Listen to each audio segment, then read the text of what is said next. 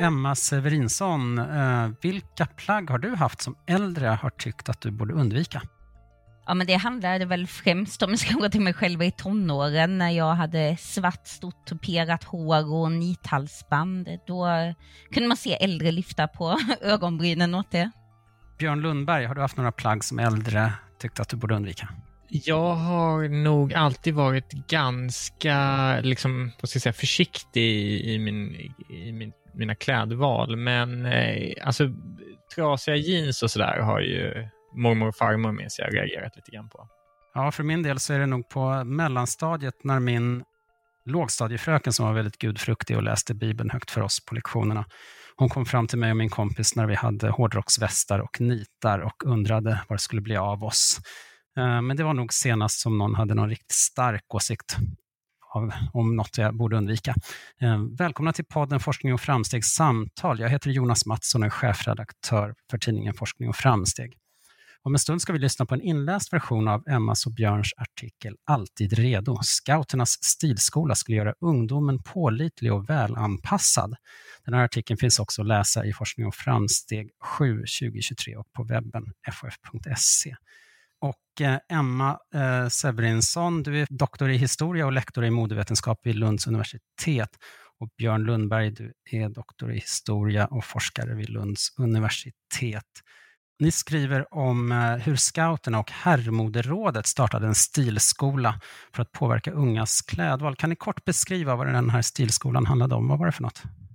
Det var helt enkelt en kursverksamhet som bedrevs på eh, företrädesvis industrins yrkes och lärlingsskolor runt om i Sverige. Vid den här tiden så hade man alltså ännu inte praktiska gymnasieprogram, utan eh, en del av de här eh, yrkesförberedande utbildningarna som sen, senare blev yrkesprogram på gymnasiet, eh, eller yrkesinriktade program på gymnasiet, eh, bedrevs alltså ute i eh, industriorter och liknande. Eh, och då, där var det då huvudsakligen eh, praktiska ämnen eller lärlingsverksamhet på arbetsplatser, men också en hel del, då, eller en del teoretiska ämnen eh, och liknande. Och, och, där såg scouten en möjlighet att bedriva ganska koncentrerad kursverksamhet med inriktning på personlig stil. Mm. Eh, Emma, hur hittade ni det här ämnet? Ja, men det är lite spännande för att vi hittade det från varsitt håll kan man säga. Eh, jag började forska om Svenska herrmoderådet som eh, var stora i sin samtid från 1957 men bortglömda idag vad jag har märkt när jag presenterar min forskning. Eh, och jag hittade artiklar i deras branschtidning Klädnytt och där de var väldigt stolta över att de hade inlett ett samarbete med scouterna. Och då gick jag ju till eh, scoutexperten som jag kände, Björn, eh, och frågade vad det här var. Och då hade ju Björn också uppmärksammat det här men väl lagt det lite åt sidan eh, efter avhandlingsarbetet. Och så hittade vi att våra forskningsintressen kunde komplettera varandra och ge ny kunskap. Just det, för Björn, du har forskat i din avhandling om eh, friluftsliv under 1900-talet, är det så? Ja, men det stämmer. Jag tittade på dels eh, den svenska scoutrörelsen och dels arbetarrörelsens eh, barn och fritidsorganisation Unga Örnar. och då tittade jag på hur man bedrev friluftsliv som en metod för medborgarfostran. Och eh, Stilskolan eh, startade ungefär vid den tiden som min avhand, mitt avhandlingsarbete slutade, alltså 1960. Så, ehm, så den föll, inte riktigt inom ramen eh, för det jag skrev om i min avhandling. Ehm, men däremot så finns det då en tydlig parallell i scouternas intresse för det här med medborgarfostran och forma unga människor till, vad ska vi säga, produktiva samhällsmedborgare. Men hörni, hur kom det sig att just scouterna tog det här initiativet? Det var egentligen två huvudsakliga skäl. Ett praktiskt och ett idémässigt kan vi säga.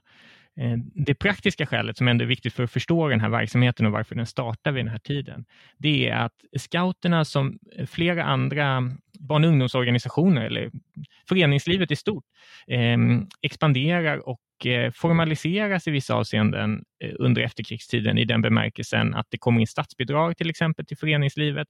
Eh, fler organisationer har råd att anställa heltidspersonal. Det blir en slags nästan professionalisering av föreningslivet. Scouterna är inte så beroende av statsbidrag, men däremot får de bidrag från näringslivet bland annat och från enskilda företag. Och eh, vid den här tiden så är det skattetekniskt ganska ofördelaktigt att göra den här typen av ehm, eh, donationer, eller vad vi ska kalla det för. Eh, men i och med att scouterna har börjat anställa konsulenter eh, ute i distrikten, så, och det här är alltså Svenska pojkscoutförbundet, eh, som det heter vid den här tiden, eh, så ser man en möjlighet att eh, de här konsulenterna ska kunna göra olika typer av studiearbete eller, eller eh, kursverksamhet för till exempel företag då, och eh, företagen ska då kunna eh, betala för de här tjänsterna och på det sättet så, så, så kan man då eh, få in pengar till verksamheten, till de här eh, anställda konsulenterna. Så det är, det, det är liksom den, den, praktiska bakgrunden till varför man väljer det här upplägget där man riktar in sig till företag som har sådana här yrkes och lärlingsskolor. Eh, men det, det förklarar inte varför man riktar in sig på stil och det är väl vår poäng här att, att det, mm, som vi vill undersöka då bland annat i vår artikel, att eh, det finns då en man ser en möjlighet att nå ungdomar som, som traditionellt inte då är verksamma inom scouterna eh, vid de här skolorna. Det här är inte en friluftsverksamhet utan en, en mer traditionell kursverksamhet. Då. Mm. Ja, ni, ni, har ju talat om eh, hur mode knyts till strategier för att styra ungdomar, att det här är liksom en del i något större projekt. Eh, Emma, kan du utveckla det lite? Ja, men man kan ju se då att det här handlar om tiden väldigt mycket, för att det är ju en större oro i samhället över hur ungdomar beter sig, vad det ska bli av dem, hur de ska lyckas på arbetsmarknaden och sådär.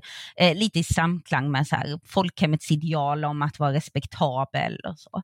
Eh, samtidigt så har vi ju en expanderande ungdomskultur, en kommersiell ungdomskultur som sprids i ganska rasande fart. Och där kan man då se att mode blir en väldigt stor del av det här. Vi har också en konfektionsindustri som börjar pumpa ut plagg speciellt designade för unga i en omfattning vi inte har sett tidigare. Eh, och då plockar ju den här typen av organisationer upp det här såklart och tänker att här har vi en chans att styra ungdomar i den riktning vi vill genom att också tala om deras kläder. Mm. Men har inte vuxna och föräldrar och skolpersonal i alla tider provocerats av ungdomens klädval. Vad var det som var nytt där efter kriget, 50 och 60-talet? Eh, jo, men det som var nytt är ju att det blir en större tillgänglighet. Kläder blir till viss mån billigare. Man identifierar ungdomarna som en konsumentgrupp på ett annat sätt än man har gjort tidigare. Eh, och då ser man ju hur ungdomar helt plötsligt börjar då, som Expressen skrev till exempel, konsumera och leva som rika direktörer.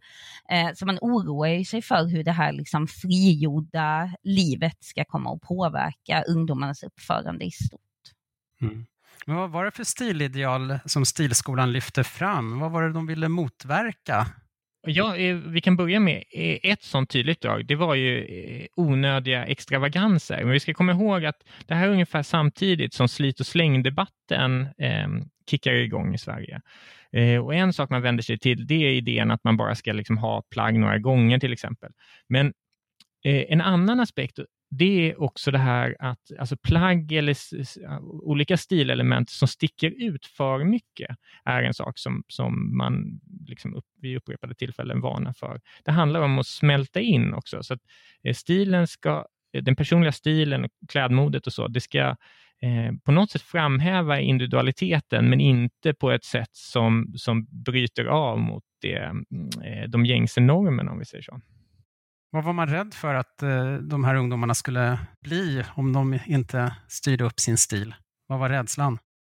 Eh, nej men rädslan var ju att man inte skulle lära sig sociala koder, att man inte skulle bli respekterad. De lockar ju väldigt mycket i eh, de här kurserna och eh, i materialet som vi har tittat på att om ni följer det här eh, ja, men de här idealen som de sätter upp i stilskolan så kommer man lyckas med eh, kärlek, man kommer få en tvåsam relation, man kommer lyckas på arbetsmarknaden, man kommer bli väl mottagen av sina medmänniskor och allt det här knyter man ju till klädseln då för att det är det första man ser när man möter en annan människa. Eh, och sen handlar det ju också om att man faktiskt har en viss tro på att kläderna kan påverka hur man själv känner inför sig, man får bättre självförtroende och sådär. Eh, så att man ser ju en växelverkan mellan det inre och det yttre. kan man säga. Mm. Det kan man väl känna igen till mans, att det, de kläder man har på sig påverkar hur man mår och hur man bemöts och, och så vidare. Det ligger väl något i det? Nej men, nej men absolut, eh, det är väl en, eh, alltså, eh, till att börja med då, så, så är det klart att det finns då liksom en, Eh, Eh, man vill göra ungdomar uppmärksamma på att eh, de här liksom, detaljerna och så spelar roll. Eh, samtidigt då som man använder den här, det här språkbruket, alltså kom, eh, Stilskolan pratar bland annat om att liksom, kom ihåg att du hela tiden blir bedömd, kom ihåg att du hela tiden blir iakttagen av din omgivning. Man använder det som ett sätt kan man säga att inskärpa betydelsen av att smälta in, att inte sticka ut för mycket, att inte ha smutsiga kläder, att vara, alltså, um, och så vidare. och Så vidare. Så, så, så, så, man använder den här idén om en blick som betraktaren som ett sätt att, att um, ska säga, förmå ungdomar att förstå att de behöver uh, um, ja, sköta sig, om vi säger så. Och och då, det är klart att det finns en uppsida i det, skulle man kunna säga, att eh, det här är någonting som, så, det är så, så det fungerar i samhället och det är bra att ungdomar lär sig det. Och så kan man säga då eh, att baksidan av det är väl då liksom att man befäster den här idén om att eh, det här är någonting, att det är så det ska funka helt enkelt och att eh, det lämnas ganska lite utrymme för, för misstag i, i, utifrån det betraktelsesättet. Mm. Alltså att, att det är okej okay att människor bedöms på det här sättet hela tiden. Eh, stilskolan, hade den någon, effekt då? Kan man se att den hade någon påverkan på ungdomars eh, stil i Sverige? Det har vi ju inte kunnat se i det här materialet eftersom att vi eh, tittar på Stilskolans eget material. Det är lite svårt att hitta hitta det, men det man kan säga är ju att Stilskolans alltså betraktelsesätt på ungdomar är ju inte unikt på något sätt, utan det ser man i hela Herrmoderådets verksamhet, den här ja, men synsättet på mode och kläder, men också i relation till om vi tittar på rådgivningsböcker vid tiden. Och jag tror att Eh, det vi kan se är att man oroar sig i modetidningar och sådär, både för kvinnor och män, men kvinnor tillskrivs en större kompetens och det menar man att de har en längre historia av att bry sig om kläder.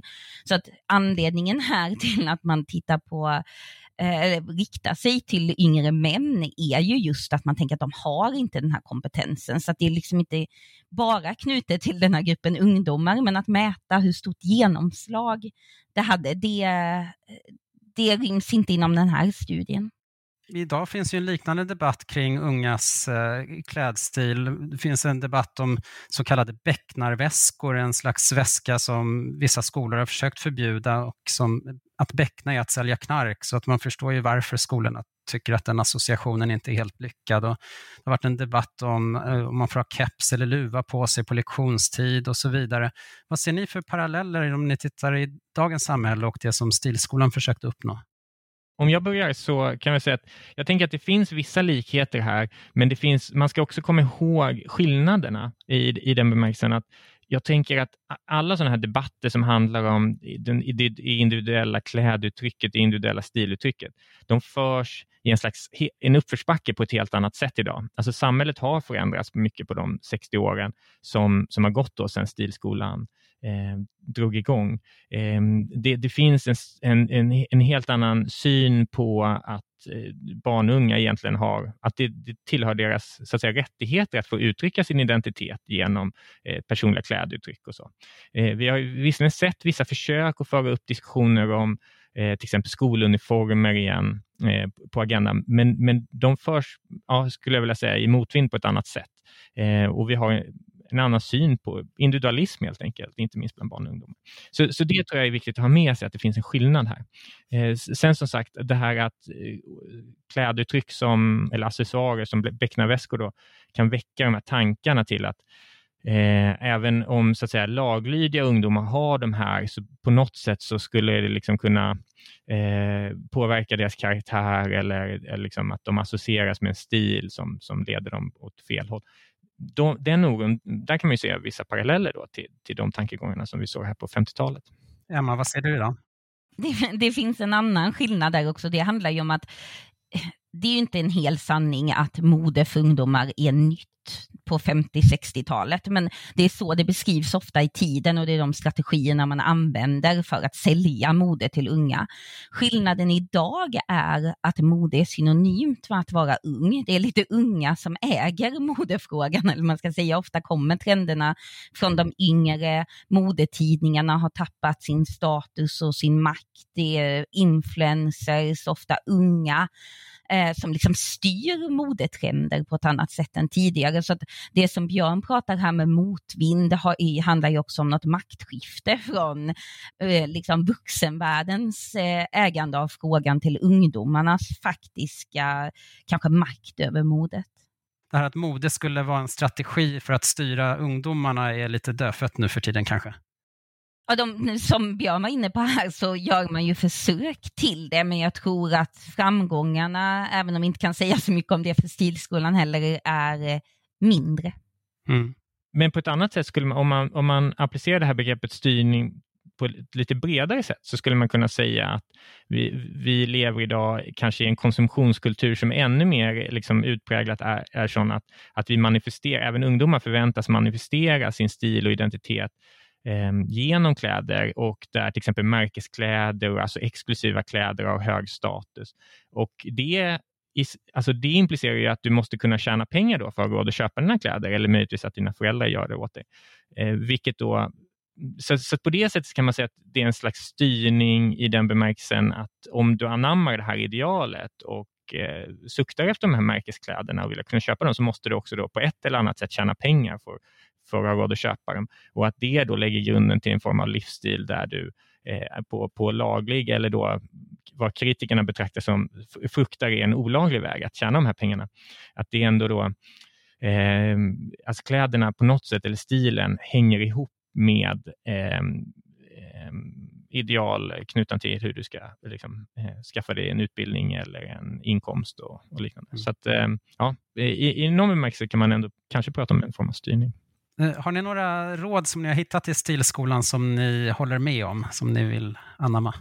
Ja, men de har, det finns ju som Björn var inne på här tidigare med slit och slängsamhället och Svenska herrmoderådet var väldigt mycket emot eh, det här att man skulle köpa kläder för att använda få gånger. De beskrev någon gång hur, ja idag kan man sätta en papperskorg utanför butiksdörren så kan man slänga det man har köpt direkt där i.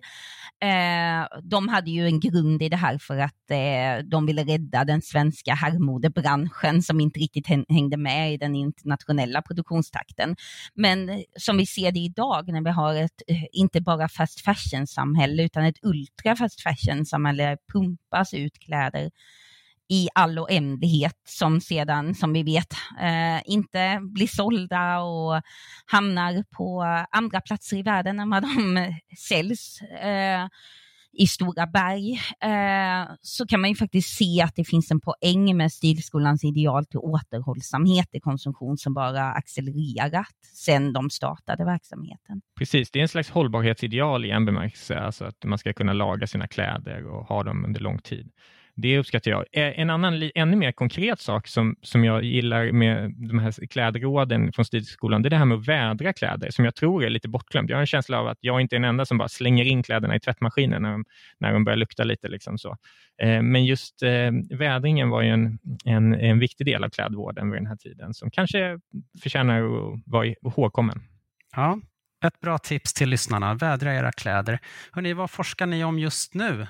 För tillfället så um, håller jag på med ett projekt om barn och ungdomars engagemang i internationella frågor, omvärldsfrågor under efterkrigstiden. Så jag sitter faktiskt och tittar på den här tiden, 50-60-tal eh, för tillfället också, men då hur man engagerade sig i frågor för eh, motverka um, globala orättvisor, svält, fattigdom och liknande. Emma, vad forskar du om nu? Eh, ja, men dels har jag ett eh, större bokprojekt där det här Stilskolan är en liten avknoppning från som heter Mode i folkhemmet där jag tittar på de här frågorna om respektabilitet och så knutna till mode i ett större perspektiv. Och sen har jag ett lite mindre projekt om 1920-talets skönhetsoperationer och paraffininjektioner Paraffininjektioner, det väcker nyfikenheten. Vi hoppas kunna återkomma till eh, båda era forskningsprojekt längre fram. Tack så mycket Emma Severinsson och Björn Lundberg. Tack så mycket. Tack. nu ska vi lyssna på er artikel som även finns att läsa i Forskning och framsteg nummer 7 2023. Och du som vill prenumerera på Forskning och framsteg kan alltid gå in på fof.se podderbjudande. Alltid redo. Scouternas stilskola skulle göra ungdomen pålitlig och välanpassad. Hösten 2020 avråddes eleverna på Jensens gymnasium i Göteborg från att bära mjukisbyxor och så kallade bäcknarväska. Bäcknarväskorna är mag eller midjeväskor som bärs tvärs över bröstet och kallas så eftersom de används av personer som bäcknar, det vill säga säljer droger. Skolans budskap var att elever som klädde sig propert presterade bättre och fick bättre självkänsla. Mjukisbyxor och bäcknarväskor ansågs däremot föra tankarna till machokultur, utanförskap och kriminalitet. Två år senare ville även en mellanstadieskola i Norrköping få bort dessa väskor med argumentet att mobiler lätt kan gömmas i dem. Men det fanns ännu en anledning. Väskorna förde, enligt Skarphagsskolans rektor, tankarna till gängkriminalitet. I argumenten från skolorna återkom en moralisk idé om att kläder och accessoarer har en förmåga att påverka ungdomarnas moral och livsval. Det föreställda samspelet mellan propert yttre och ädla karaktärsdrag har länge sysselsatt vuxenvärlden. Gränsen mellan skötsamhetsideal och moralpanik är inte alltid knivskarp. 1957 lanserade Sveriges scoutförbund Stilskolan som särskilt riktade sig till elever vid industrins lärlings och yrkesskolor. Snart inledde man också ett samarbete med Svenska herrmoderådet en branschorganisation som arbetade för att stärka den svenska konfektionsindustrin genom att öka mäns intresse för kläder och stil, inte minst bland unga konsumenter. Att scoutrörelsen intresserade sig för den här sortens kurser hade åtminstone delvis skattetekniska skäl. Företag som ville stödja scouting kunde köpa in kurserna och därmed få en avdragsgill kostnad vilket var mer förmånligt ur skattesynpunkt än att donera pengar. Men detta upplägg förklarar inte varför utbildningen kom att handla om just personlig stil. Kampanjen lanserades i en brytningstid när 40-talets stora barnkullar nådde tonåren. Jämfört med tidigare ungdomsgenerationer hade dessa ungdomar mer pengar att spendera och tog starkt intryck av amerikansk och brittisk populärkultur. Fenomenet var inte det första i sitt slag. Tidigare under 1900-talet hade vuxna förfasat sig över jazzgossar och swingpjattar. Men 40-talistgenerations ungdomskultur blev mer kommersiell och vida mer spridd än tidigare. Konsumtionsmönstren förändrades under de svenska rekordåren och ungdomar började identifieras som en egen konsumentgrupp med särskilda preferenser. De svenska ungdomarna influerades av den nya kulturella strömning som kom att kallas Swinging London. Den påverkade ungdomskulturen, populärkulturen och musikscenen och gav upphov till nya modeuttryck. Även ungdomar med sämre ekonomiska förutsättningar fick större möjligheter att konsumera eftersom priserna på konfektionssydda plagg sjönk. I dags och veckopress beskrevs tonåringarna som små direktörer som närmast levde lyxliv. Särskilda tonårskollektioner lanserades i snabb takt och ungdomarna sades nu slippa se ut som små tanter och gubbar. Många ungdomar välkomnade med förtjusning det större utbudet av kläder medan den ökade konsumtionen och de förändrade modeuttrycken oroade många äldre. De ungdomar som inte förstod vikten av att vara välklädda och anpassa sig efter sociala regler och plånbokens storlek löpte enligt kritikerna risk att misslyckas på arbetsmarknaden och i kärleksrelationer. Men trots att kläder och konsumtion hade en framträdande roll i oron över ungdomarnas moral har tidigare forskning om ungdomskulturen vid denna tid främst tagit fasta på dess rebelliska strömningar eller liknande uttryck, såsom ungdomskriminalitet och upplopp.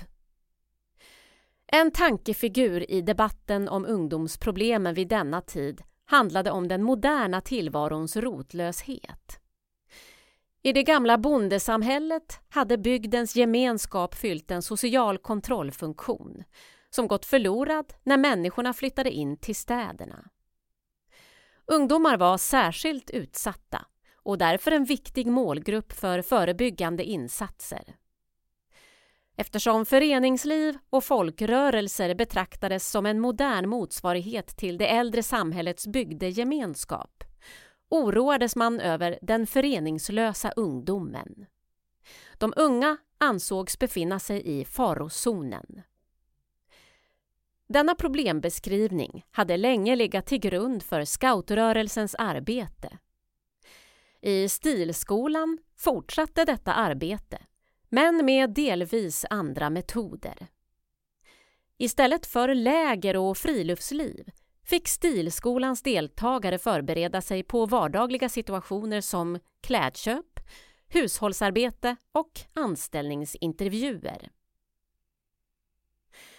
Sveriges scoutförbund och Svenska herrmoderådet var två till ytan mycket olika organisationer. Men i arbetet med ungdomsfrågorna visade sig deras målsättningar överlappa varandra. Det räckte inte att försöka lära skolelever sunda ideal. Lockelsen i personliga uttryck som kläder var alltför stark.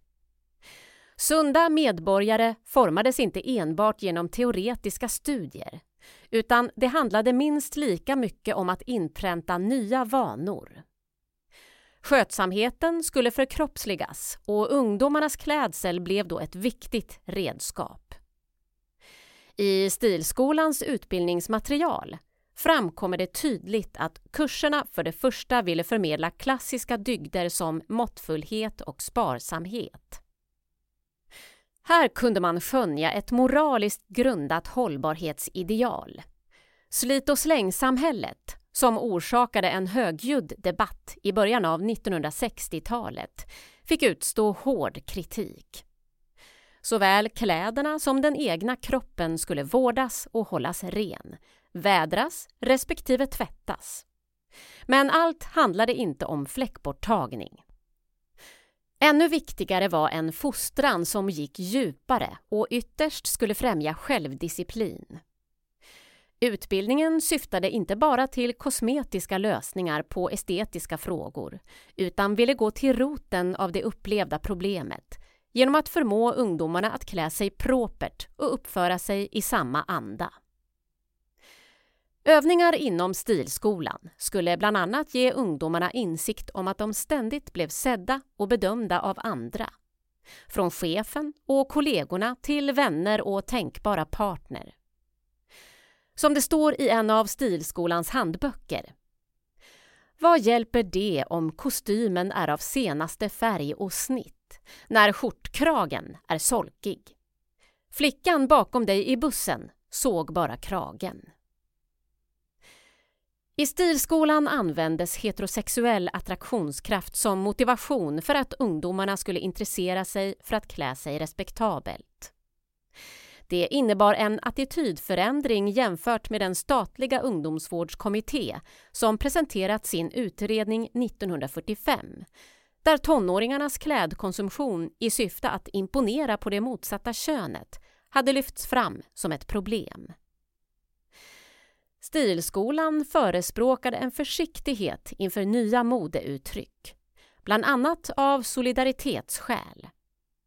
Den som vill bjuda in sina vänner till glada träffar och lördagsskutt bör göra det med eftertanke, menade man.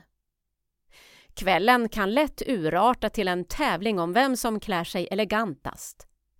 Och då får man alltid räkna med att några, kanske de allra trevligaste, tackar nej eftersom de inte anser sig kunna vara med i klädkonkurrensen. Stilskolan önskade således forma ungdomarna efter ett visst ideal. För att leva upp till kraven skulle du vara ren och fräsch, ha en fin hållning, en glad uppsyn och vårdat tal, så att din yttre varelse gör vad man kallar ett gott intryck. Ett välvårdat yttre skulle i förlängningen leda till att ungdomarna blev pålitliga och välanpassade, med en förmåga att stå upp för sig själva och göra moraliskt riktiga val. Den som sökte svar på exakt hur det var lämpligt att klä sig fick dessvärre inga tydliga instruktioner. Trots att ungdomarna uppmanades att undvika överdrifter gavs inga beskrivningar av vad som var för mycket. Förklaringen till bristen på mer exakta anvisningar kan ligga i att modet var i ständig rörelse. Så vad som ansågs som oacceptabelt förändrades. Stilskolan gav därför ganska generella tips som att pojkarna borde välja en fräsch bläser vid festliga tillfällen istället för en islandströja eftersom den sistnämnda inte bidrog till feststämningen. Efter några danser i en tjock tröja ångade nämligen bäraren av svett. Ungdomarna uppmanades också att välja kläder med hänsyn till den egna kroppstypen. Korta eller fylliga personer skulle undvika stormönstrade tyger och detaljrika modeller. De ansågs passa bättre i enfärgade eller småmönstrade tyger och enkla modeller.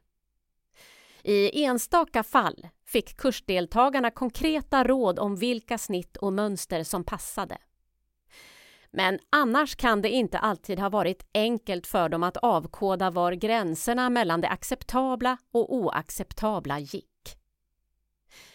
Däremot betonades ständigt vikten av att passa in, att inte ägna sig åt excesser och att på så sätt anpassa sig till rådande normer.